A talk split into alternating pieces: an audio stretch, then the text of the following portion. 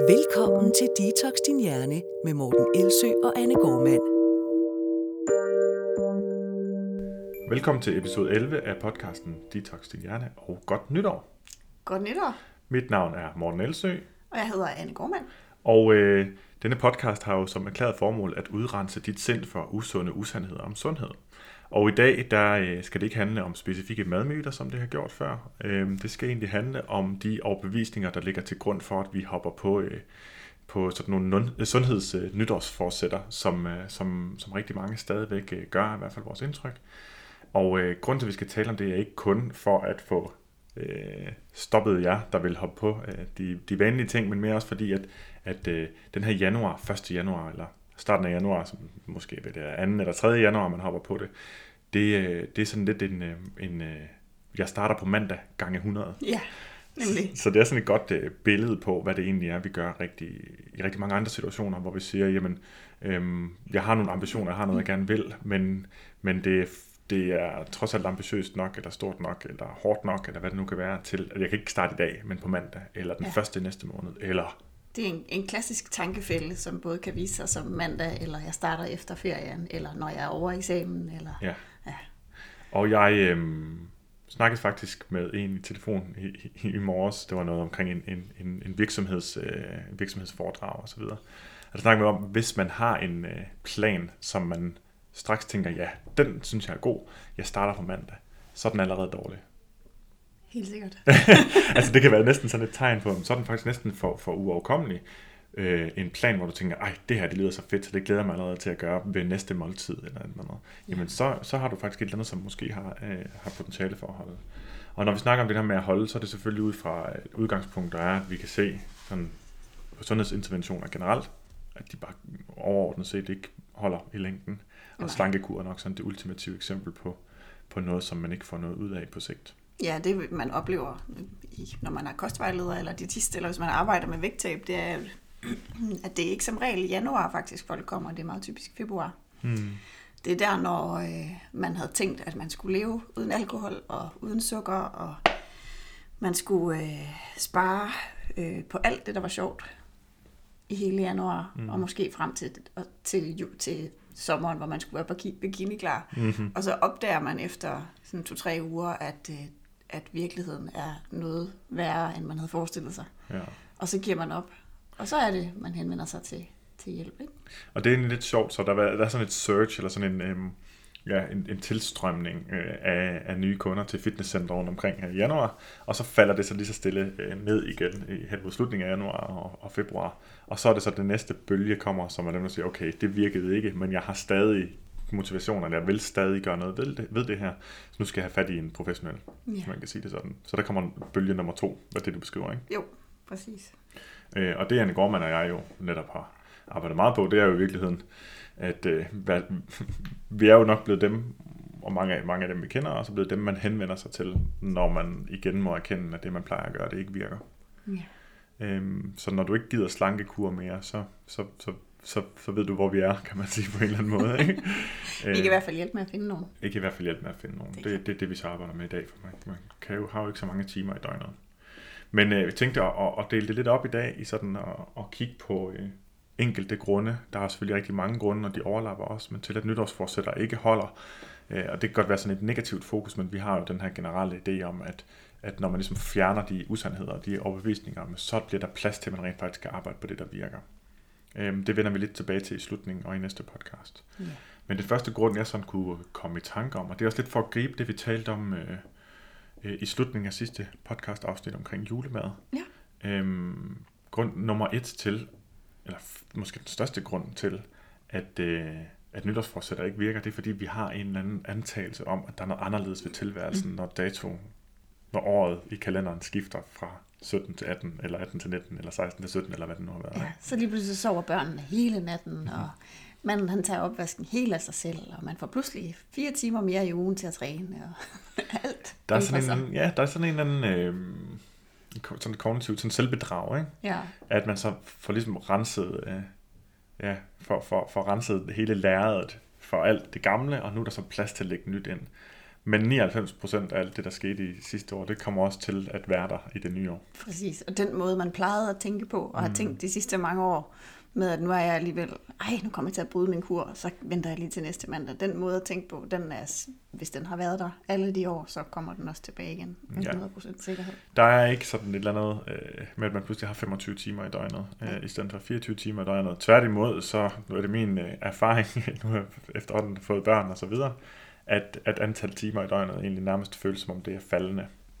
Ja, det er som om antal måneder i året også forsvinder. Ja. Og dem, der er mærkeligt. ældre end os, de sidder nok derude og tænker, ja, bare vent. ja, åh, det bliver værre, når de Det bliver bliver- teenager. Ja, men også, øh, også generelt, at tiden den går bare rigtig, rigtig hurtigt, så, så vi har, og det kan vi ikke forholde os til. Så vi Nej. lægger tit planer ud fra en, en, en masse antagelser, som, som vi aldrig sådan har fået sandhedstjekket. Ikke? Det er det, der sker, når vi bare har det liggende inde i hovedet, og ikke får sagt det højt, eller får det undersøgt. Øhm, så vi har sådan en masse antagelser om, at "Jamen, det har jeg masser af tid til, jeg kan godt nå det.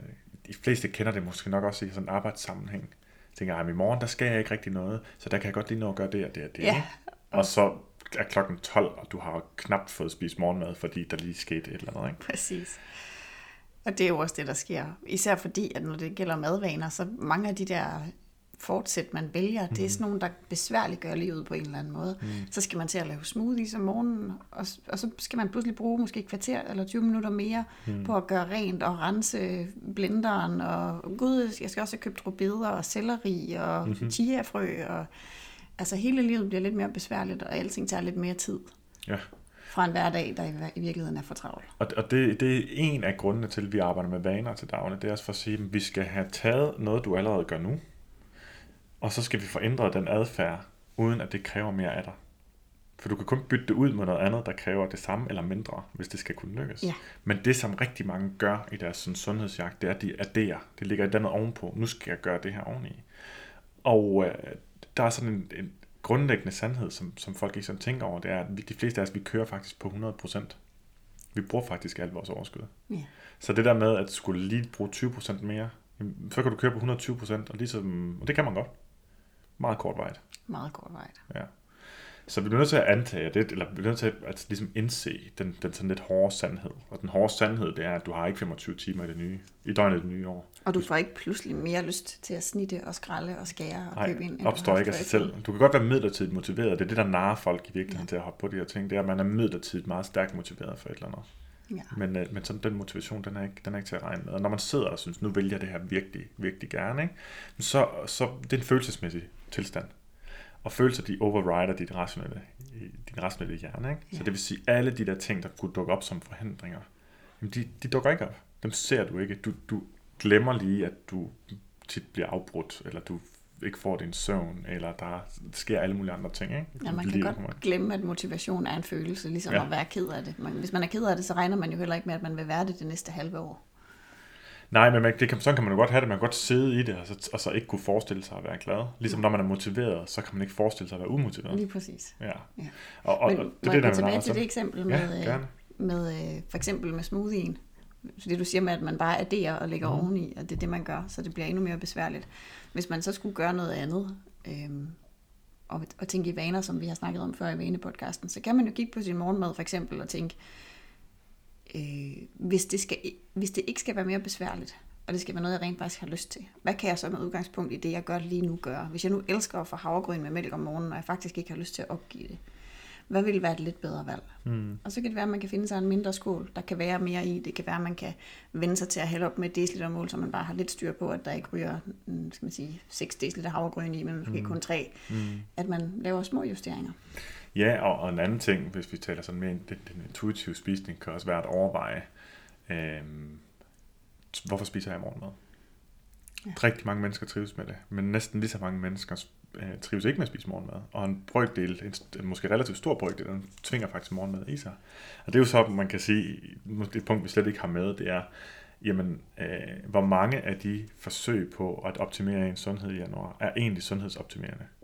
Vi får for eksempel at vide, at vi skal spise morgenmad. Ja, fordi Selvom man der tror, ikke er det øger forbrændingen. Det øger eller- forbrænding. Nej, det gør det ikke. Man tror, at det, at det, er, at, at det i sig selv på en eller anden måde skulle, skulle føre til vægttab, og det gør det faktisk ikke. Vi ved faktisk, at hvis du tvinger folk, der ikke trives med at spise morgenmad, til at spise morgenmad, så tager de på. Så, så, øh, så det bliver jo egentlig, hvis man skal stille sig selv et spørgsmål når det handler om især vægttab, så er det første spørgsmål, jeg altid vil stille folk, det er, hvornår spiser du på andre følelser end sult? Ja. Og det kan være følelser, som i, jeg bør gøre det, fordi der er nogen, der siger det, eller følelser, som i, at man vil øh, takle nogle, hvad kan man sige, følelsesmæssige behov ellers. Ikke? Men man har ikke 25 timer i døgnet i 2018. Børnene vågner stadigvæk mange gange om natten. Øh, din chef kan stadigvæk finde på at give dig flere arbejdsopgaver, end du føler, du kan overskue. Øh, du kan stadig komme til at sidde og tjekke mails derhjemme, fordi du føler dig bagud. Der er alle de her andre ting, som man glemmer, når man er meget højt motiveret. Ikke? Og så lægger man planer, når man er meget højt motiveret. De planer, de fejler altid. Ja. Og hvad er det så for en type planer, man lægger? Og det er jo så måske grund nummer to til, at nytårsforsæt de ikke rigtig holder. Det er, at vi er overambitiøse. Ja, det gælder jo også i virkeligheden træning. Nu snakkede vi om kurer, Mm. men i virkeligheden også er træning der. Øh, jeg arbejder også som, som instruktør på nogle hold, og det er så skægt. Hver eneste gang, jeg skal møde op 2. eller 3. januar og have det første hold, så kan jeg ikke finde parkering. Det er fysisk umuligt, og hele november og december har det været så nemt. Jeg kører rundt op og ned ad vejene, fordi folk holder alle vejene. Mm. Øhm, og holdene er helt fyldte og overfyldte. Og så ved jeg jo så i omkring marts, at så falder nogen fra. Og mange af dem falder fra på grund af skader. Mm. Fordi de har startet mega hårdt ud, fordi motivationen har været rigtig høj, men kroppen har overhovedet ikke været klar til den belastning. Øh, så træner de lige pludselig hver dag med en krop, der måske har været vant til at overhovedet ikke at træne. Ja.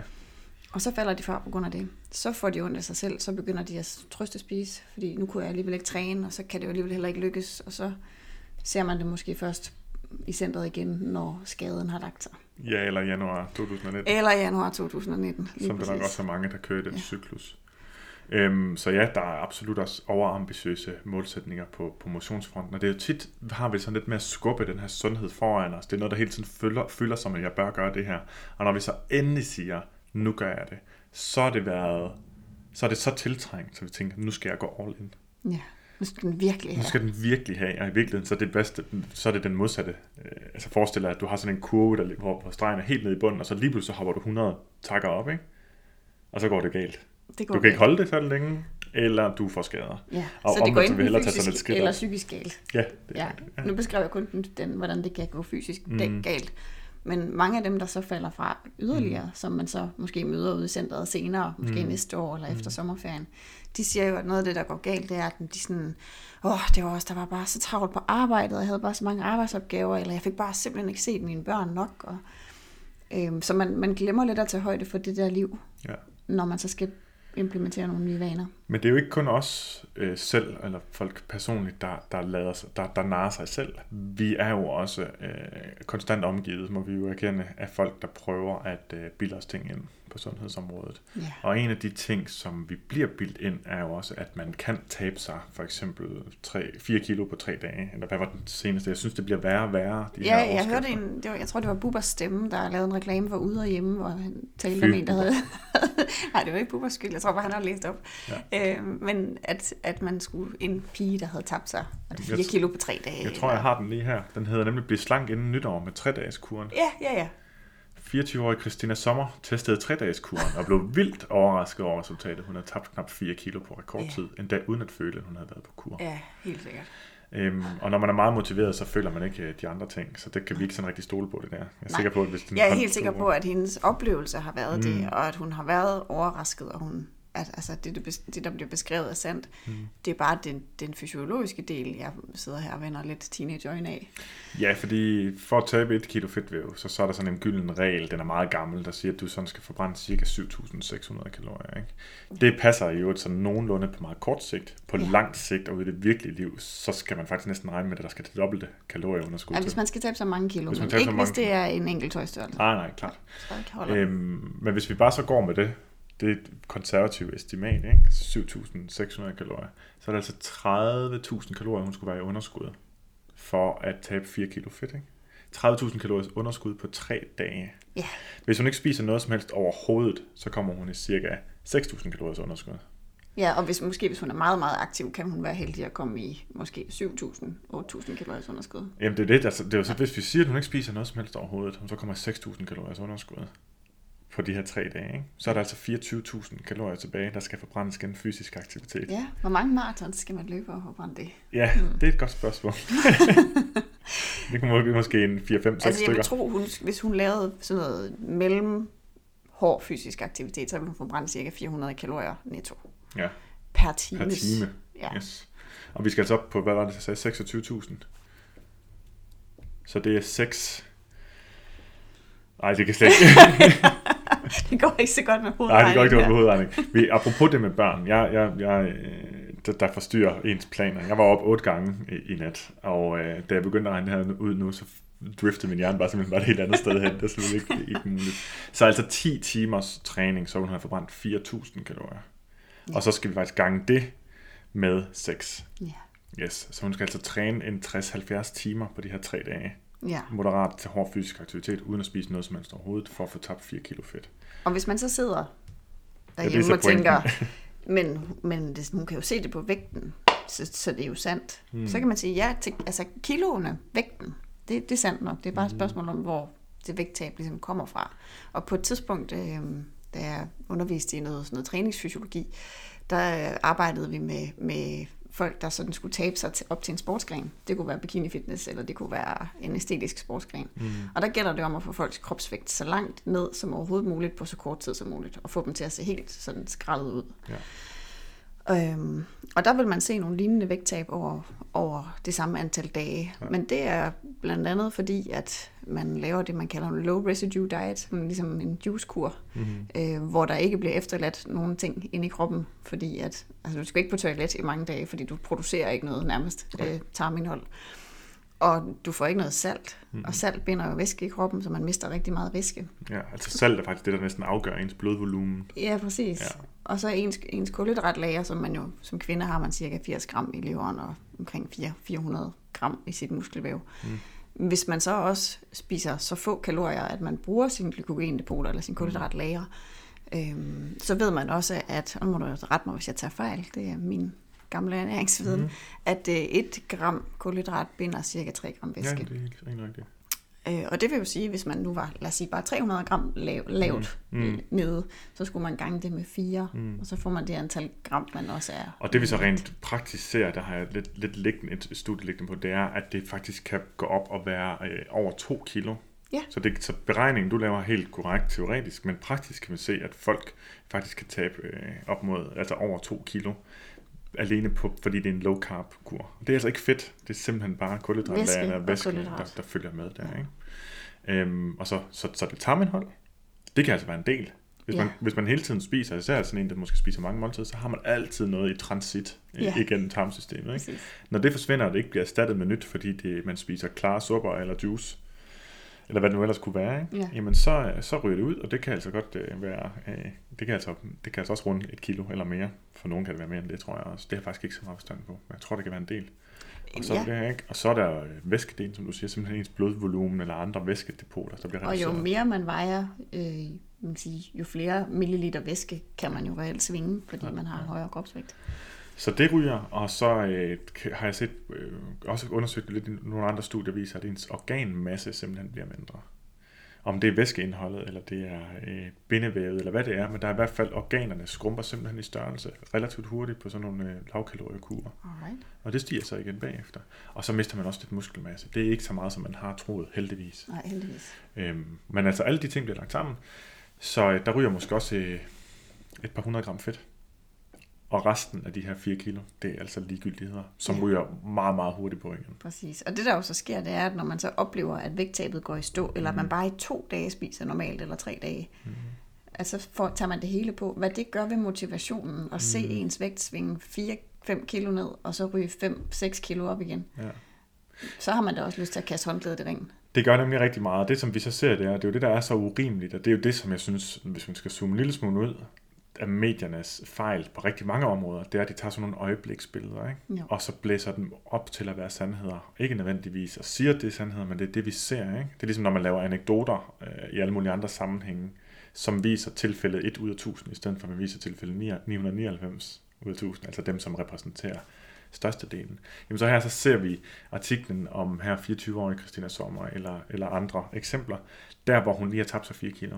Der kommer ikke en artikel ugen efter, hvor der står, Nu Nej, nu har hun taget det hele på har hun igen. det hele. Nej, hun har faktisk taget 5 kilo på. Tænk engang, nettoresultatet var plus 1 kilo, hvilket det der ofte sker. ikke? Ja, Så det ser vi ikke.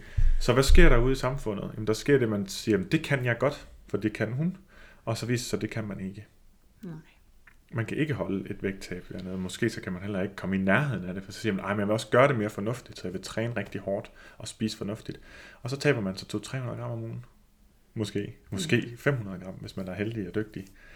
Men man kommer ikke i nærheden af det der, så tænker man, så er der sgu da noget galt med min krop. Præcis. Og så læser man på nettet, og så siger folk, ja. Så er du nok et, et lavt forbrænding, lavt stofskifte, ja. Eller hvad det nu ellers skal Ja, være. Og så er man inde i hele det her billede af, at der er noget galt med en, når man er forkert. Det er det. Kroppen er forkert, eller man selv er udulig.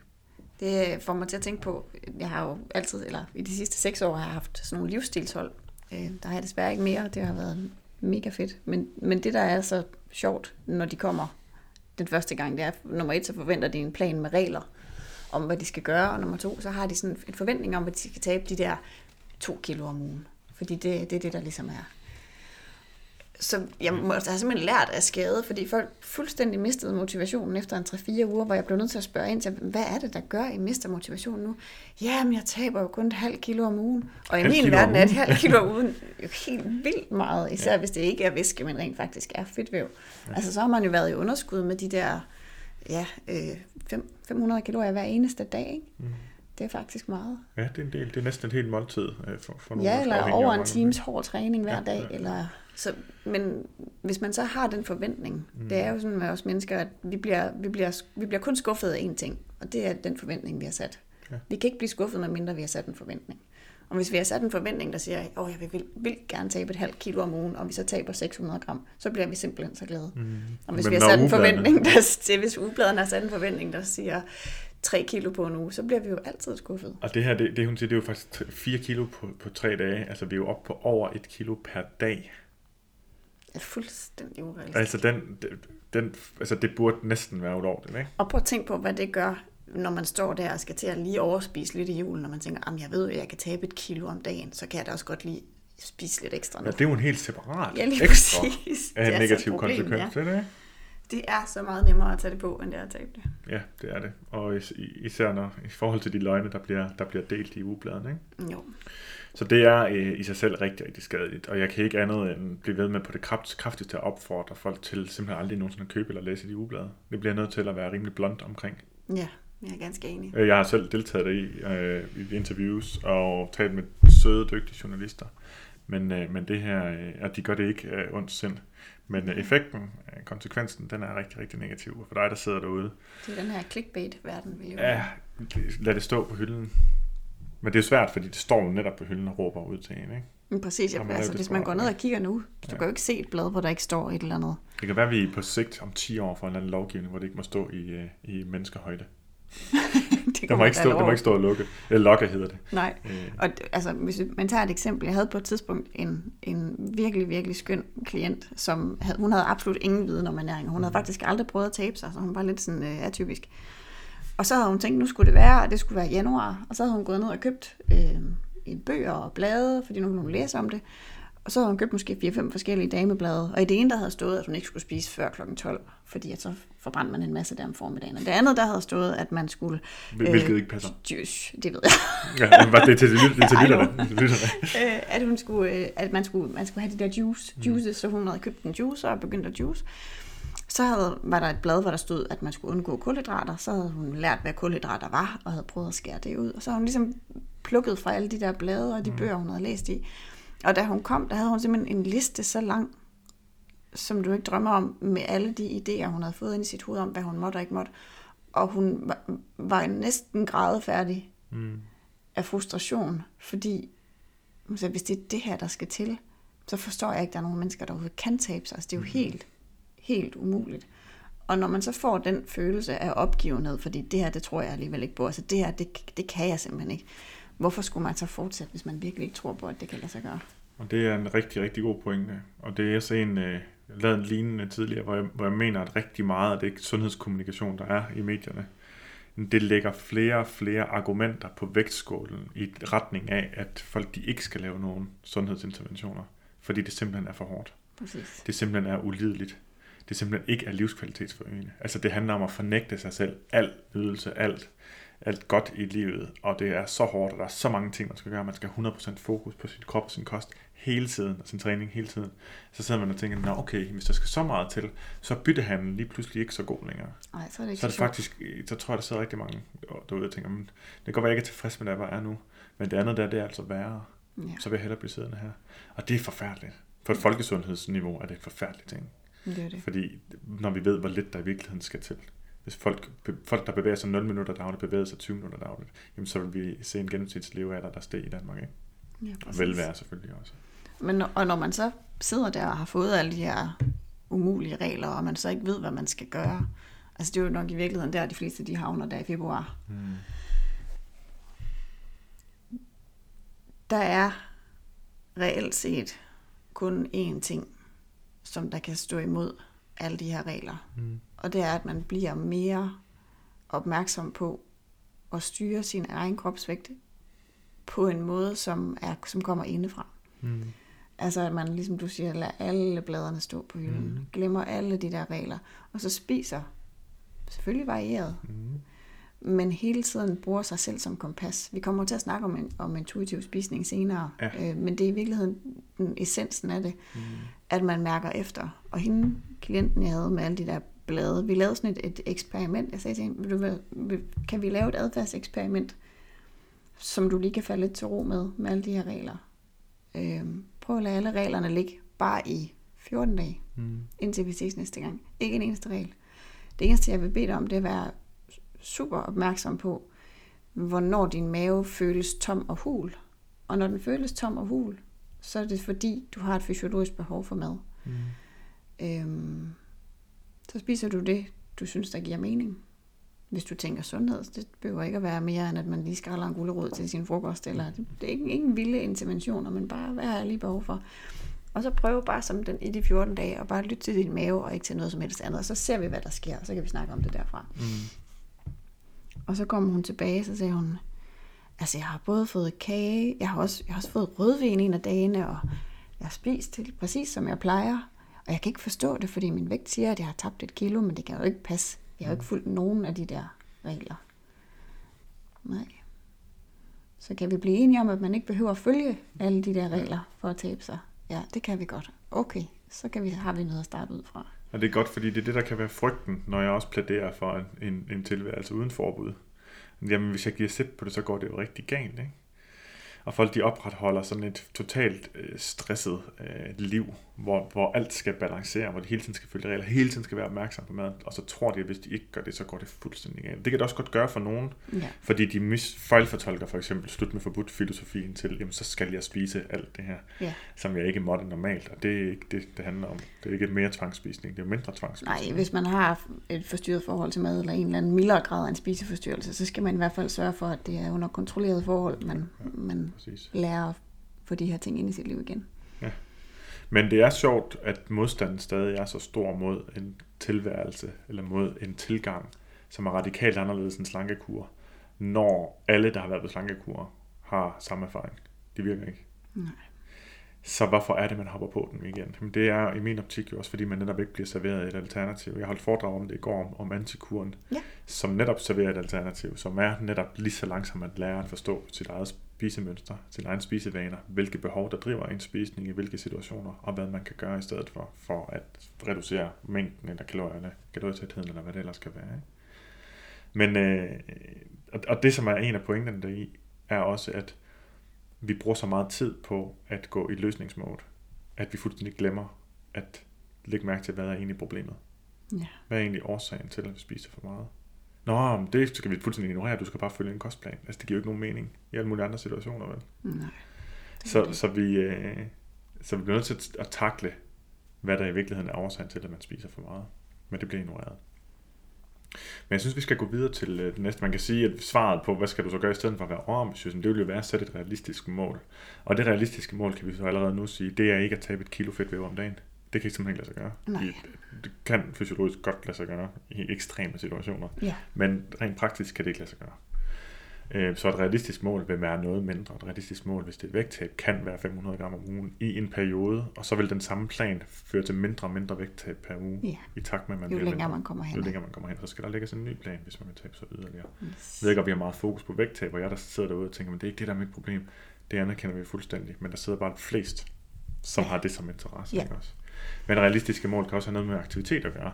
Og der snakker vi om før, at du går fra den her 0 til 100. Prøv i stedet for at sige, at jeg gerne ende på 100, eller måske 50. Og det kræver jo, hvis du forestiller dig, at du står foran en trappe, så skal du ikke hoppe op på trin 50. Så tager du trin nummer 1 først. Ja. Du siger, hvor er du henne? Nu? Jamen, jeg har ikke bevæget mig i to år. Så skal du faktisk ikke engang løbe, hvis du skal i gang med at løbe. Så skal du faktisk ud og gå en tur. Ja. Og når du kan gå en tur, rask tempo, uden at holde pauser, så kan du begynde at sætte i lunde tempo osv. Det er der nogen, der har meget forstand på, og jeg ved, at de bedste løbeprogrammer, de ser enormt underambitiøse ud. Men til gengæld efter et halvt år, så er du sgu i god form, Ja. hvor de andre de har fået en skade. Du lytter til Detox Din Hjerne med Morten Elsø og Anne Gormand. Men der er også en øh, grund nummer tre til, at nytårsforsætter de ikke rigtig virker, eller kan være en af grundene til det i hvert fald. Det er, at vi er rigtig vage i vores mål, og så mangler vi en handlingsplan. Vi har det med at sige, at jeg vil gerne være sundere. Det er det vageste mål, der findes overhovedet. Ja, for hvad i alverden er det? Hvordan skal man omsætte det til handling? Udelukkende ud fra den information. Ikke? Så man siger, at jeg vil gerne tabe mig. Så okay. Men det er stadigvæk ikke en handling. Jeg vil gerne spise mere grønt, så tænker folk, ah, så er det konkret. Nej, det er overhovedet ikke. Nej, det er det ikke. Hvor meget mere grønt? Hvad for noget grønt?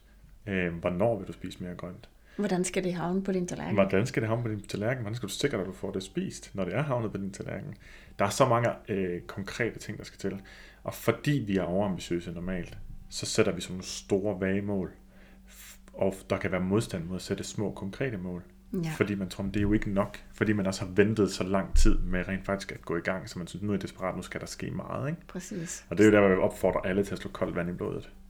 For den her desperation, og tænker, at jeg skal ske meget, det er der, hvor man kommer til at hoppe på de dårlige løsninger. Ja, da jeg havde øh, på et af de der livsstilshold, der var der en, en, en kvinde, som boede for sig selv, og øhm, hun var omkring sådan slut 30'erne, og havde ikke rigtig nogen grund til at ændre sine vaner. Hun sagde, jeg har de samme vaner, som da jeg var teenager. Mm.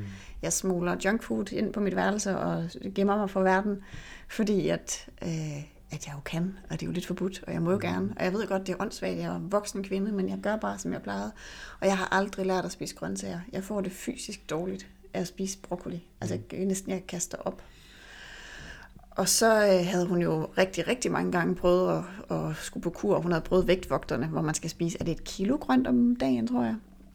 Og det havde jo nærmest været tortur for hende, fordi hun jo synes, det var så ubehageligt at sidde og klemme det derned. Jamen, alle jeg har haft, der har været på den kur, de hader jo grøntsager. Vi skal til at gen, genlære, at grøntsager kan være lækre. Lige præcis, og når man så heller aldrig har lært det, hvis man så tror, at det, der skal til, det er, at man skal spise rigtig mange grøntsager, og man vidderligt hader grøntsager, hvor, hvor filen skal man så starte? Mm. Og nu er det så bare for at sige, hvad er det så, man gør i den situation, så vi ikke kun snakker om, hvad man ikke gør. Øhm, vi startede med at kigge på, hvad er det laveste, den laveste trappetrin? Hvad er det første trappetrin? Og så tænke langsigtet, ikke bare realistisk, men langsigtet.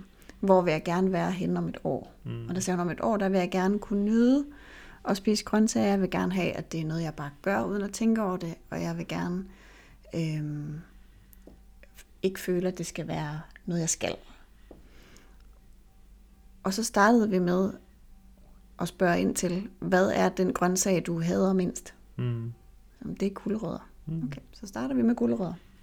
Hvor vil det give mening at spise gulerødder? Jamen, det vil være til min frokost, for jeg skal i hvert fald ikke have det til morgenmad. Okay, hvor mange gulerødder? Jamen, jeg tror altså kun, jeg kan spise en. Det er simpelthen så fint. Så startede hun med at spise en gulerod mm. til sin frokost. Mm. Kan I høre, hvor, sige det ud til lytteren, kan I høre, hvor konkret det er? En Ja. gulderød til sit frokostmåltid, Ja, kontra jeg vil spise mere grønt. Og grunden til, at det virker, det er fordi, at det er det, som personen kan overskue, og fordi det er nemt, og fordi det ikke kræver noget særligt. Mm. Så kom hun tilbage efter sådan 14 dage. Vi havde mødes en gang øh, hver uge, men efter 14 dage, så sagde hun sådan, nu spiser jeg gulerød, og så er jeg begyndt at tage et lille stykke agurk til os, fordi når jeg nu alligevel står hen ved køleskabet, så kan jeg også lige skære et stykke agurk. Så da vi nåede hen i slutningen af forløbet, så havde hun øh, begyndt at spise peberfrugter, havde prøvet med nogle små cherrytomater, mm. og så havde vi sådan for sjov, så laver jeg sådan en opfølgning øh, året efter, hvor man lige mødes og hører, hvordan det går. Også bare lige for at tjekke op på, at, alle, at det mm. går, som det skal.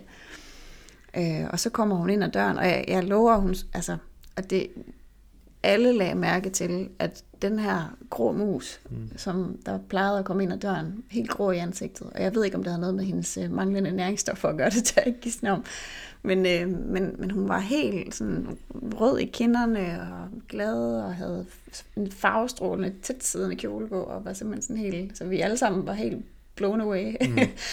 øh, og så siger vi på den der runde med, hvordan det er gået, spørger til det, siger hun sådan, jeg spiser grøntsager til min frokost og til min aftensmad, og jeg er blevet vildt glad for, for gulerødder. Jeg har fundet alle mulige måder at tilberede det på, og så har jeg fundet ud af, at, at når jeg bor alene, så gider jeg altså ikke at lave alting selv. Så jeg har fundet steder, hvor man kan købe færdige grøntsager og salater. Ja. Og så havde man bare lige så stille fået det trappet op.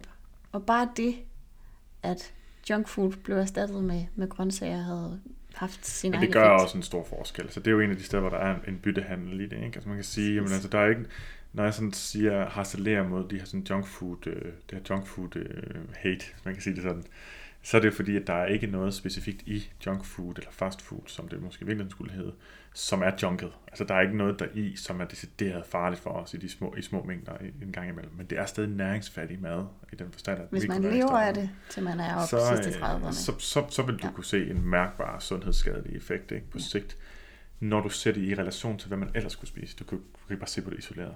Så at bytte rigtig meget junk food ud med rigtig mange grøntsager, det vil have en, en, en rigtig fin effekt på ens helbred. Det er slet ikke nogen tvivl om. Nej. Og så kan man spise så mange gulerødder, som faktisk kan blive helt ud over det, huden.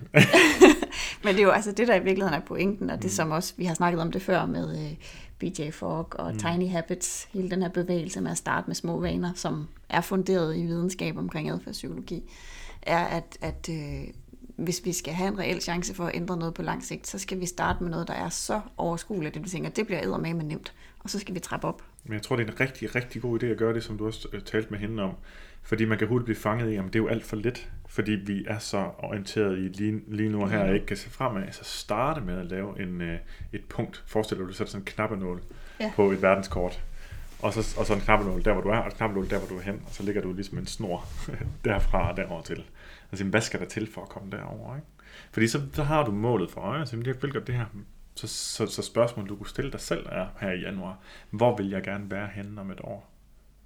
Hvad, hvilket sundhedsmål vil jeg gerne nå? Eller hvad, hvordan ser min adfærd ud om et år? Jamen, der spiser jeg måske øhm, 400 gram grønt og 200 gram frugt om dagen, eller hvad det nu skulle være. Det er sådan meget konkret, det behøver det ikke nødvendigvis være.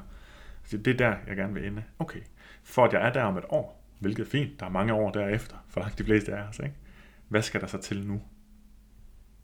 Og der kan man, så kan man pludselig godt se, jamen, at jeg bruger tre uger på at lære at spise en gulerod. Det er faktisk helt okay. Ja. For jeg behøver ikke være højere tempo, så længe jeg fortsætter i den retning. Nemlig. Ja. Men, men øh, så det er både at være... Øh, og så sker der det fantastiske, som adfærdspsykologien også forklarer. Mm. Og især hvis man, øh, hvis man har lyst til at læse om det, så skal man læse øh, de her BJ Fogg-studier. Ja. Men, men der sker det, at når man oplever succeser med noget langvejt, mm så får man en eller anden succesfølelse, og den lille bitte succesfølelse, den tager man med videre. Og når man så alligevel lige er i gang, nu er jeg alligevel lige i gang med at købe grøntsager, ej, så kan jeg også lige putte den der ned i kurven. Ja. Ej, så kan jeg også lige putte den der ned i kurven. Altså, at det eskalerer. Ja.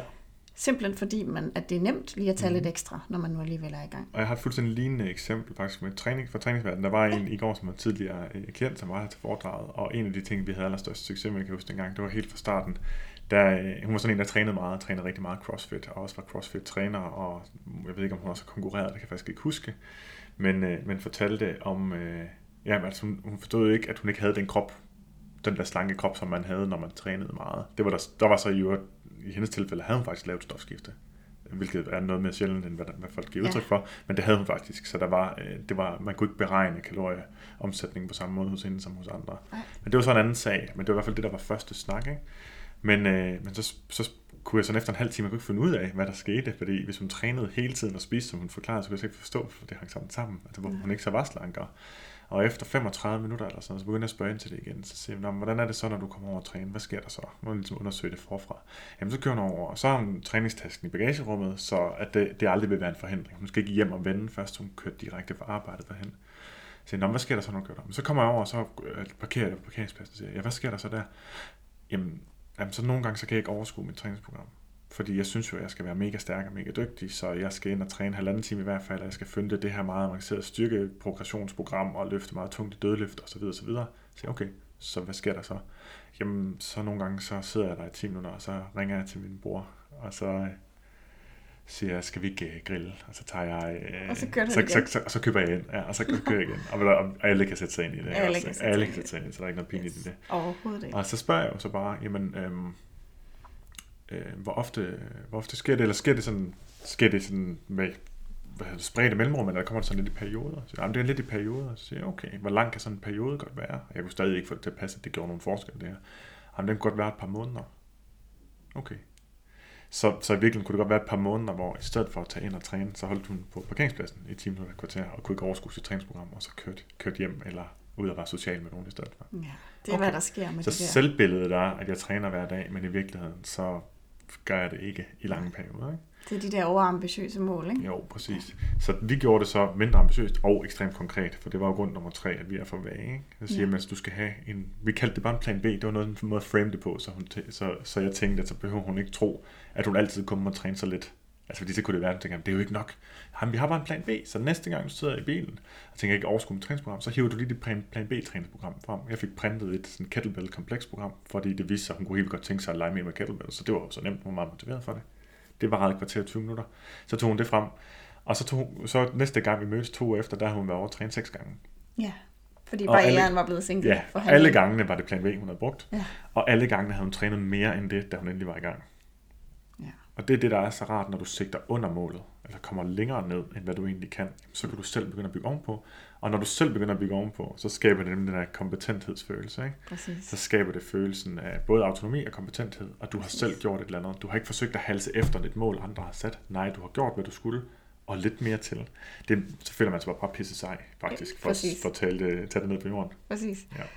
Og hvis man nu så skal altså, omsætte det til et eller andet, lad os nu sige, at man sidder derhjemme og slet ikke kan overskue at gå i gang. Mm.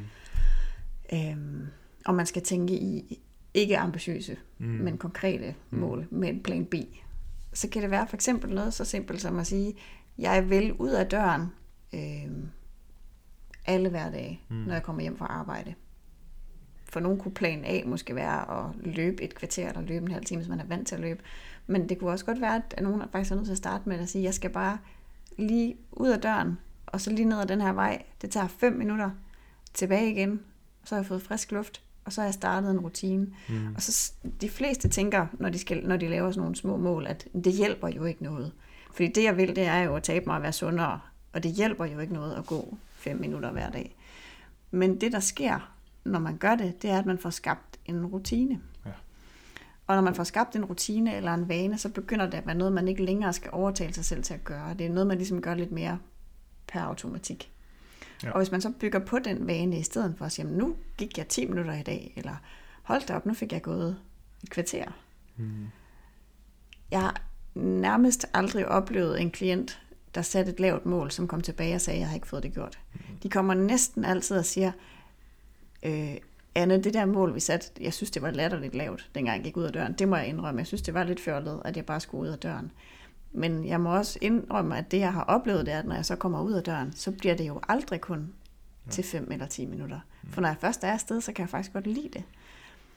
Og så her den anden dag, så tog jeg løbeskoene på, og så løb jeg også lige 5 minutter. Det havde jeg jo ikke engang sat et mål om. Mm. Det var faktisk meget cool. Og så måske to måneder efter, nu løber jeg faktisk halvdelen af vejen. Nu er jeg afsted en halv time hver dag. Øhm, og så på lang sigt, så bygger man nogle, nogle langtidsholdbare vaner. Men de skal, de skal starte i det små, hvis man skal have succesoplevelser. Det skal det for rigtig mange. Alle, alle, alle dem, som ikke behøver det, jamen de har ikke noget behov for hjælp. Nej, og de har slet ikke behov for at høre den De her podcast, kan man sige. Ikke? De har Så det er ikke dem, vi taler til. Det er jo netop alle, alle de andre, som nok er et langt største del. Ikke? Ja. Hvor for uden ikke at have motivation som på den måde, så har de også en lav mestringstillid, sandsynligvis. Altså, det vil sige, de har ikke, hver gang man kaster sig over et sundhedsprojekt, så er det ikke lykkedes. Nej. Og hver gang det sker, så går det, så, så øh, tror man mindre på det fremadrettet. Så det er vores tilgang er så i den situation er at sige, så starter vi så lavt, så vi får lavet mestringsoplevelser. Præcis. Fordi når du så har mestringstillid, troen på, at du kan noget mere, og du også beviser, at du kan noget mere, netop fordi du gør mere, end hvad der egentlig var foreskrevet, hvis man kan sige det sådan, jamen så, øhm, så, så, så øger det ind, i meget, meget høj grad sandsynligheden for, at du bliver ved. Fordi det er sådan en god prediktor, som det hedder, for, for fremtidig sundhedsadfærd, der hvor høj mestringstillid du har. Og det kan man bygge op ved at starte der i det små. Ikke? Og så sker der også noget andet, som jeg synes måske er relevant at tage med, den her gåturssnak. Mm. Jamen, øh, hvad oplever man når, ved den her 5 minutters gåtur? Langt de fleste mennesker oplever en sjælden ro, som de måske ikke rigtig har fået på et andet tidspunkt. Og måske når de har opbygget et forhold til den her gåtur, som ikke sport, motion, pligt, sundhed, men mig-tid og Ja. pause. Og naturen, der skifter. Og når den mig-tid og pause, nydelse og nærvær er essensen af den her intervention, ja. og den får lov at gro, så ender det med, at når at folk, der løber ture et år efter, altså hvor man har nærmest en daglig løbetur, at det ikke er en sundhedspligt, som falder til jorden, så snart man ikke er motiveret for det længere. Nej, det er mig tid og selvforkælelse på motionsform. Og det er det, vi skal snakke rigtig meget om i motivationspodcasten. Ja. Så hvis I sidder derude og tænker, at det virkelig godt tænker at høre noget mere om motivation, der laver, det dedikerer vi altså et helt afsnit til. Ja, for der er vi både omkring det faglige og det praktiske, ja. det skal ligesom være lidt mere tid til. Præcis. Men, øh, men on that note med omkring at, at få nydelse ind i det, så jeg siger, grund nummer fire til, at nytårsforsætter ikke holder, det er, altså det passer meget godt med slankekur og så videre i sig selv, ikke? men nu, nu taler vi det bare, taler vi om det ud fra nytårsforsætter som, som emne eller som tema. Jamen det er øh, kort sagt, de fjerner al nydelse. Ja. Men alle pligter og behov for selvforkælelse, de er der, de er der jo stadigvæk. Ja. Så vi har behov for den nydelse. Så man går rundt og spiser noget, der øh, smager fladt og tørt og mm. sejt og trist og kedeligt, eller som er monsterbesværligt at lave. Mm. Og den kilde, man engang man så havde til nydelse og afslappning, og hvor man bare smækkede mm. stængerne op i sofaen og spiste en blad chokolade og bare lod hele verden være, mens mm. man bare nød. Den nydelse og afslappning og ro, den er man fuldstændig frarøvet. Ja. Og det jeg kan se også, det er, at jo flere kurer folk har været på, jo større er cravingen efter den her nydelse, og den her øh, tilladende tanke, der kommer om eftermiddagen. Det har været en hård dag, og livet er også kort, og jeg skal fandme også have, og jeg, det skal også give mig selv noget godt, og jeg skal også have et eller andet. Ikke? Og der er med lang tid til sommer, når man ja, står der og bare bruger for et stykke chokolade ja, om eftermiddagen. og jo mere man har fornægtet sig det på alskens kurer undervejs, eller bare på daglig basis, hvor man synes, det er forkert at gøre, jo, jo mere chokolade ryger der ind der om eftermiddagen. Hvor folk der egentlig tillader sig selv den nydelse, men der bliver det der er der en fin korrelation. Det er kun min erfaring, ikke? Men der er en fin korrelation mellem, jo mere man tillader sig selv den nydelse, jo mindre behøver man af det. Jo mere man fornægter sig det, jo mere man har straffet sig selv gennem kurer gennem tiden, jamen jo større er indtaget, når det endelig er, man giver sig selv lov. Ikke? Ja. Øhm, men det... hvis vi fjerner al nydelse i januar, jamen det eneste vi så gør, det er, at vi bruger en hel måned på at forstærke ideen om, at det der med at være sund, det er sgu egentlig ikke noget, jeg gider. Nej, lige præcis. Det er alt for hårdt. Ja. Det, det jeg plejer at gøre i praksis, hvis jeg sidder over for en person, der har haft den her oplevelse rigtig mange gange, det er at prøve at gøre præcis det, som de frygter. Altså faktisk at indføre bevidst valgt nydelse hver dag. Og der er mange, der har sådan en teori om, at jamen, så skal man kun gøre det i weekenden, eller så skal man have cheat days. Men hvis man skal have den der oplevelse af, at der er nydelse i hverdagen, og man har det der pusterum, så kan man finde det, som giver en den nydelse og den glæde, og så gøre plads til det hver dag. Og man kan, man kan fint være meget, meget sund og komme ned i vægt samtidig. Samtidig med, at man spiser to øh, chocolate chip cookies, eller øh, en flødebolle fra Spangsbær, eller hvad det ja. skal være. Altså ting, som virkelig er sådan, ja. det, man kalder hedoniske fødevarer, altså rent forkælelse. Ja. Ja. Jeg havde en klient, hvor hun sagde, at for hende, der var selvforkælelse, det var et glas rødvin, men det vidste hun jo godt, at det var helt, helt forbudt. Og hendes datter havde det jo på samme måde, og de havde tænkt, at de skulle på kur sammen. Datteren var også kun fem år, så det var meget fornuftigt. Nej, var nej.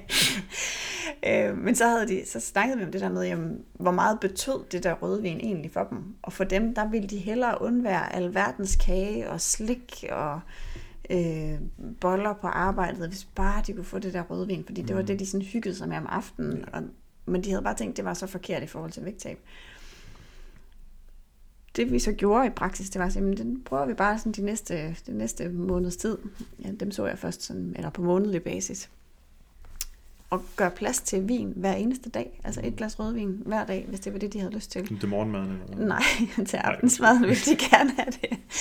Øh, og da de kom tilbage, så sagde de, at de havde virkelig, altså det havde været rigtig hyggeligt, og de havde nydt det. Og det, der havde gjort, det var, at i løbet af dagen, når de så mødte fristelser, så kunne de godt kigge på dem og så tænkte det kunne jeg godt, men ej, jeg vil faktisk hellere have det der rødvin i aften. Ja, ja, ja. Fordi det er det, jeg alligevel helst vil have. Og så har jeg fuld nydelse og fuld afslappning omkring det. Og så bliver man så selvfølgelig også nødt til at snakke konkrete ting, fordi hvis man har den her myte om, at alkohol federe, som jo mange går rundt og tror på også mm. i januar, mm. så kan man sige, at et glas rødvin er cirka 125 kalorier. Det svarer til en stor banan, mm. kaloriemæssigt. Og det, det, det matematikstykke er ikke til diskussion. Mm. Heller ikke, selvom der er alle mulige små indvendinger. Mm. Fordi basalt set på en dag, hvis du har et behov på 2.000 kalorier, og du får de 125 fra et glas rødvin, så kan du altså fint blive mæt. Og det sænker ikke din forbrænding. Og det Nej, det er næsten det sidste, der er lige. Ja, der er så mange, der spørger, men det ødelægger det ikke forbrænding? Er det ikke Nej. sådan, to uger efter du har drukket alkohol, så kan du ikke tabe sig? Nej, det er noget rent, det er rent pur opspind. Sikkert noget vores. Ja.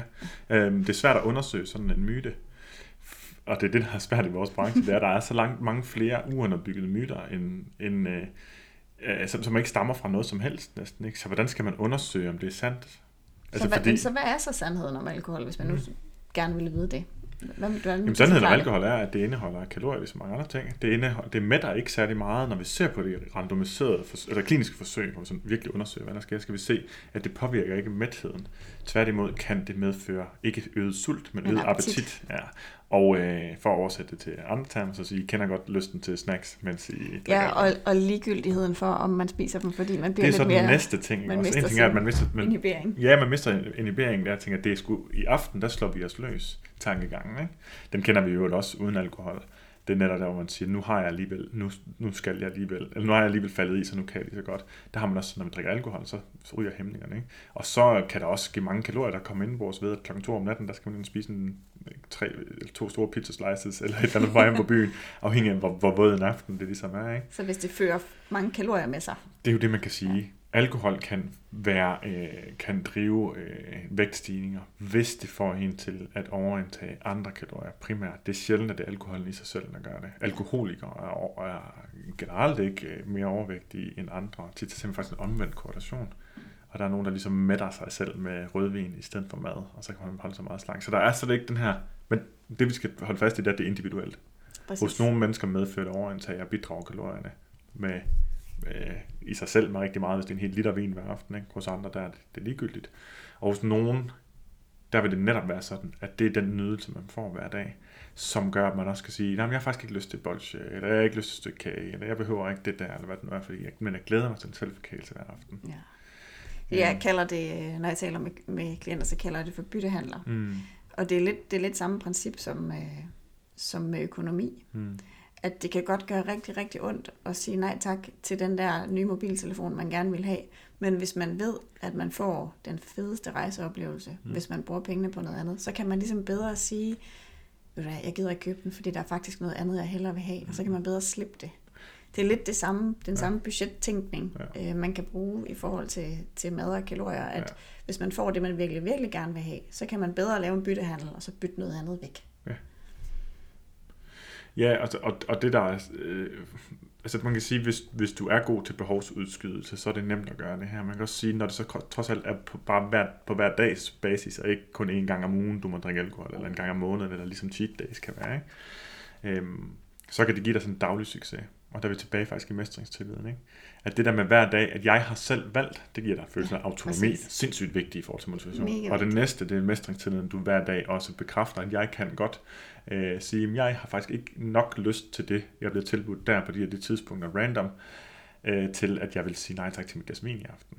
Så du har selv valgt noget, du har følt dig kompetent og, og, og, og, og mestrende, kan man sige på en eller anden ja. måde. Ikke? Men så, så er det også igen og noget, som har afledt effekter. Og du føler ikke, du rigtig går glip af noget, for du føler ja. bare, at du har byttet for noget, du hellere vil have. Alle skal have ja. et eller andet mig-tid, eller selvforkælelse, eller benene op på bordet, eller hvad det nu skal være, ja. hver eneste dag. Og hver eneste gang, vi forsøger at fornægte os det, så falder vi alligevel i, og så kan vi så gøre det med dårlig samvittighed, eller vi kunne have det som en fast del af vores liv. Ja, så og kan man det. gøre plads til det. Ja, gør plads ja. til det. Godt. Så det er det, vi vil sige i stedet for, gør plads til nydelse. Ja. Aller sidste ting, og den er heldigvis, heldigvis skulle til at sige, men det er også fordi, vi har brugt lidt tid nu, hurtigt at gennemgå, for vi har snakket om det før, øh, hele vejen igennem det her. Grund nummer 5 til, at, at øh, nytårsforsætter, de ikke holder på sigt, eller ikke virker, man kan sige det sådan, det er, at et hvert fejltrin ses som en komplet fiasko. Men det har vi nærmest hele været meget omkring her, ikke? at vi laver nogle konkrete planer og, og etablerer nogle succeser. Succeser øger mestringstilliden, men fiaskoer sænker mestringstilliden mere per fiasko, en succes at høre. Der skal rigtig succes. mange succeser til at opveje for en fiasko. Ja. Fordi vi, vores hjerne har øh, en, en funktion, som øh, psykologerne kalder for øh, negativitetsbias. Mm. Jeg var til en forelæsning med en dygtig psykolog på Aarhus Universitet, som sagde, at man havde sådan nogenlunde kunne, kunne øh, forske sig frem til, at øh, der skal en, øh, der skal seks succeser til at opveje for en negativ oplevelse. Ja. Det samme med komplimenter. Hvis nogen siger, at du ser godt nok grim ud i dag, så skal der seks det, andre mennesker til at sige, hold kæft, hvor ser du godt ud, til at man begynder at tro på det. Ja, og, og det er sikkert rigtigt gennemsnitligt. Jeg tror, det kan være meget det er, værre. Det var bare et gennemsnit. Ja, ja, fordi nu ved jeg også med Morten Spanner, jeg har talt om i vores anden podcast, Støtten Forbudt. Altså, det er så åndssvagt. Der kan være 99, øh, øj, hvor er det fedt, du, du har skrevet kommentarer under et Facebook-opslag, så er der en, der siger, kæft, er det noget øh, lort det her, hvad bilder du dig ind? Ja. Og så husker man det. Og i forhold til de her slankekurer mm. i januar, mm. der, det, det der er galt, det er, at så kan du have haft en hel uge, hvor du har taget så mange gode valg. Ja. Du har gået ture, du har spist dine grøntsager, du har lyttet til din sult og mæthed, du har taget små portioner, du har taget gode valg, og så drikker du et glas vin. Og så er det det Eller eneste... spiser et stykke kage. Eller spiser et stykke kage.